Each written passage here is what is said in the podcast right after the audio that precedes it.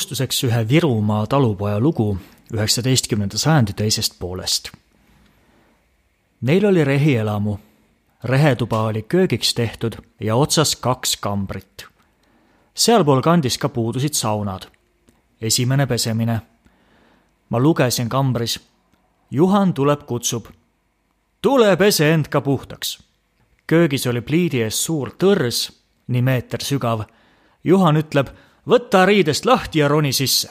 ma ütlen, et see on sodine, seebine vesi. oh, Helga pesi, mis see teeb? loputame sind puhta veega üle. mis teha? peremehe käsk, ei julgenud vastu hakata. ronisin tõrde. Helga, üheksateist aastat vana, tuli kambrist ja askeldas köögis ringi. ei mäleta, kumb see mind loputas, aga Helga andis mulle puhta rätiku ja aluspesu. tervist! minu nimi on Kent Joosep, olen Eesti Tervishoiumuuseumi külastusjuht ja loengusarjas Teekond puhtusesse annan põgusa ülevaate muutustest hügieenivaldkonnas viimaste aastasadade jooksul. seda nii Eesti aladel kui ka maailmas laiemalt. kolmandas episoodis on vaatluse all saun ja saunakombed. saunatamise traditsioon on väga vana keeleteadlaste hinnangul pärineb sõna saun vähemalt kolmandast aastatuhandest enne meie aega. isegi vanemaks peetakse sõna leil. sauna roll meie kultuuriloos on kindlasti oluliselt laiem kui ainult pesemiskoht. saun oli nii lõõgastus kui ka tohterdamiskohaks. saunas sünniti, sauna viidi surema surijaid. saun sobis ka vaesema rahva elamuks saunikuid on kuulunud varasematel sajandeil peaaegu et iga küla elanike hulka. raamatus Eesti saun on väidetud, et kuni üheksateistkümnenda sajandi viimase veerandini oli Eesti mandri lõuna ja idaosas vihusaunades elamine laialt levinud.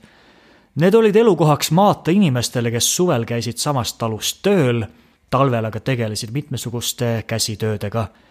vihusaunades elamine jäi haruldaseks üheksateistkümnenda sajandi lõpus üheksateistkümnenda sajandi alguses kirjutas baltisaksa ajaloolane Johann Christoph Petri Eesti saunast ja selle tervislikkusest. tema arvates kuulub saun Eesti elulaadi juurde ja iga eestlane peab vähemalt üks kord nädalas laupäeviti saunas käima. ta väidab, et saunas käimisel on suurepärane tervislik mõju.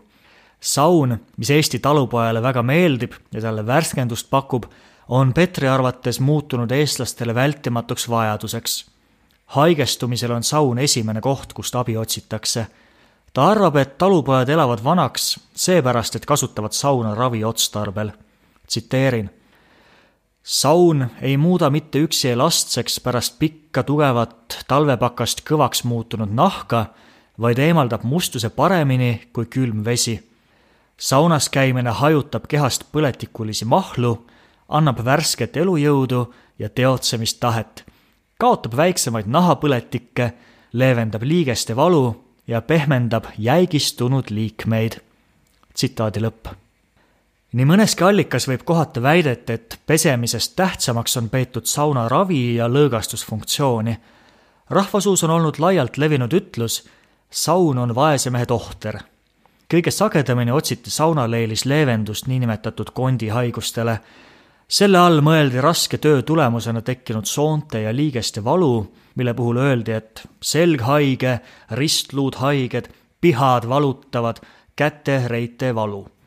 otsiti abi rahvasuus jooksvaks nimetatud haigusele, ehk siis erinevad luude lihaste põletikud, reuma. saun pidi vahele aitama ka äkiliste, tundmatute õigemini salapärastel, täiesti mõistetamatutel põhjustel tekkinud haiguste korral, mida kõiki viidi ühisnimetaja lendva alla. kõigi haiguste puhul peeti heaks vahendiks higistamist ja kasevihaga vihtlemist.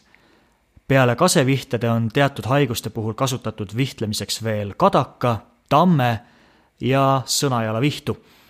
nõgese ja pehmeks hautatud kadakavihaga viheldi reuma korral sõnajalavihtu peeti peale muu veel heaks vahendiks nõiduse vastu. Tamara Habihti raamatus Eesti saun on hästi kirjeldatud üldlevinud ravivõttena veel haigete lihaste liigeste masseerimist ehk Kirde-Eestis triikimist, Lõuna-Eestis tasumist, Saaremaal muljumist, mudimist või Hiiumaal mätsimist. paremaks on peetud seda, kui triigib vana noort, noor vana, meesterahvas naisterahvast, naisterahvas meesterahvast. Pöide kandis olla öeldud, et kui inimene haige oli, liha ja sooned valutasid, siis oli veri seismas, siis riigiti, kätega riigiti, südamest ikka kaugemale, siis veri hakkas liikuma.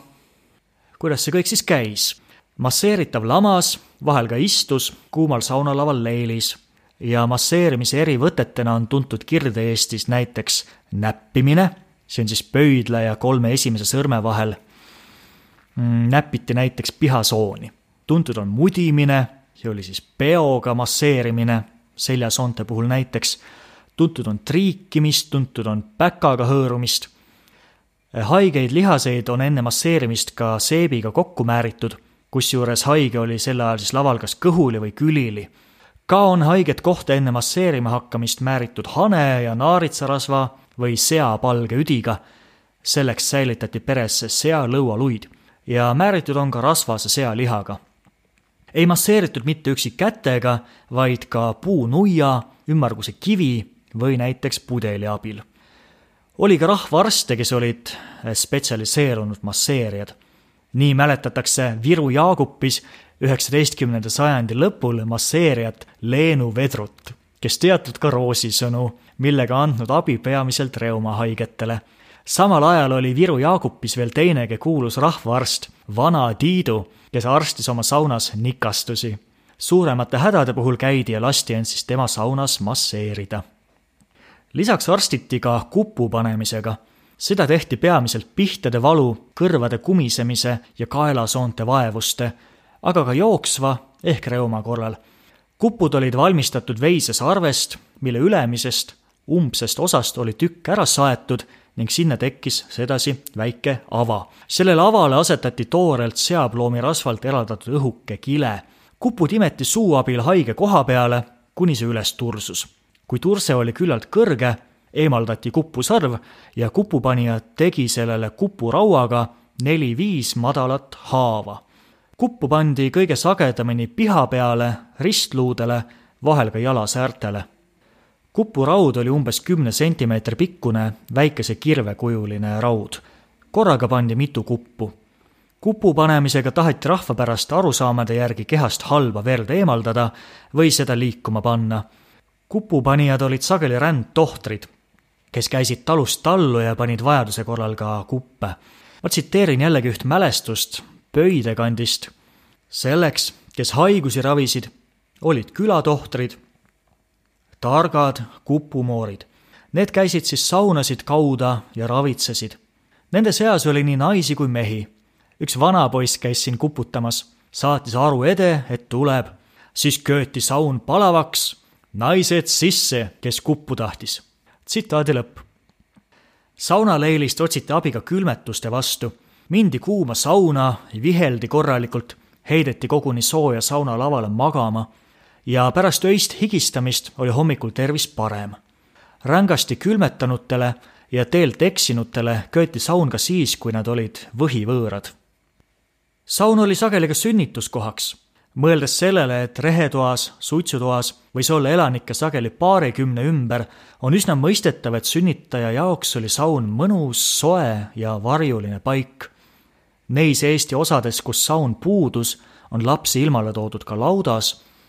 Last ootava ema jaoks küttis saunaahju lapse isa. seda võis teha ka mõni teine perekonnaliige või ka, arvestades omaaegset suhtumist sünnitamisesse ja ja naisesse üldiselt, ka sünnitaja ise. sünnitamist ei peetud mingiks eriliseks sündmuseks, sünnitaja pidi vahel koguni üksi lapse ilmaletoomisega hakkama saama. jällegi üks mälestus arhiivist, tsiteerin. kui sünnitusvalud hakkasid, pandi kohe tuluke saunaahju, õled põrandale maha ja sünnitaja tuli enamasti ise sauna. külast toodi ämmamoor, see võttis lapse vastu ja pesi saunas ära oli emasid, kes võtsid ise oma lapse vastu ja pesid ära. tsitaadi lõpp. pärast saunal laval higistamist algas vihtlemine, mille tähtsusest annavad aimu mõned vanasõnad, nagu näiteks mine sina rahata poodi või vihata sanna. see on nii ükskõik, kas oled seal käinud või mitte. või siis vihata sauna või naiseta pulma, nagu olla öeldud Emmaste kandis. tsitaat. vanad mehed olid hirmus kanged leili võttama, tõmbasid nõnda, et karvakääri ais oli lehti vahest käisid vajas või õues jahutamas ja jälle vihtlema, olid punased kutt vähid, kui saunast välja tulid ja olid terved kutt kivitükid, ei ükski töbi ega möisevitsad hakanud peele. Saunaleil parandas ja tegi nad nii tugevaks ja sitkeks, on öeldud Kaarma kandis. saunas käiguga oli seotud ka karastamine. on öeldud, et ennemast noorest peast sai kohe tulist valu vihtlemise vahel veel ojasse karata. kui nõnda otse sülitsi soojast ja külma ja tagasi, siis see nagu rautas tervist. mõnikord olla vanemad taadid meenutanud oma nooruse saunapäevi, et kui vesi mööda keha alla voolas, siis jäätükid muudkui klõbisesid. kuidas käis keha kuivatamine? tänapäevane saunalina muidugi oli tundmatu aksessuaar käterättide koha pealt on ajaloolane Heiki Pärdi toonud välja, et tavaliselt taluperedes käterätti polnud või kasutas siis terve pere ühtainsat ühist rätti. tuhande üheksasaja neljateistkümnendal aastal on Martnast üles kirjutatud järgmine lapsepõlvemälestus, tsiteerin. Käterätik oli tundmata asi, silmanarts, see on enamiste mõni katkine särk või mõni muu kulunud riidetükk seda ülesannet täitmas nagu sagedasti kogu pere ühe veega silmi pesi, nõnda oli ka üks ja seesama narts ühiselt tarvitada. vahel oli peres ka rohkem kuivatusrätte, aga harva isiklikke. Lüganusel on meenutatud, tüdrukud käisid omaette saunas, poisid jälle isekeskis. Saunas olid suured kuivatuslinad, linased, mida ema oli ise kudunud, üks lina poistele ja teine tüdrukutele nagu on meenutanud üks Piirsalu õpetaja, ei erinenud kahekümnenda sajandi alguses olukord oluliselt ka koolides, kus kordamööda viidi siis üheks nädalaks käterätt, mida kõik tüdrukud käte kuivatamiseks olla kasutanud.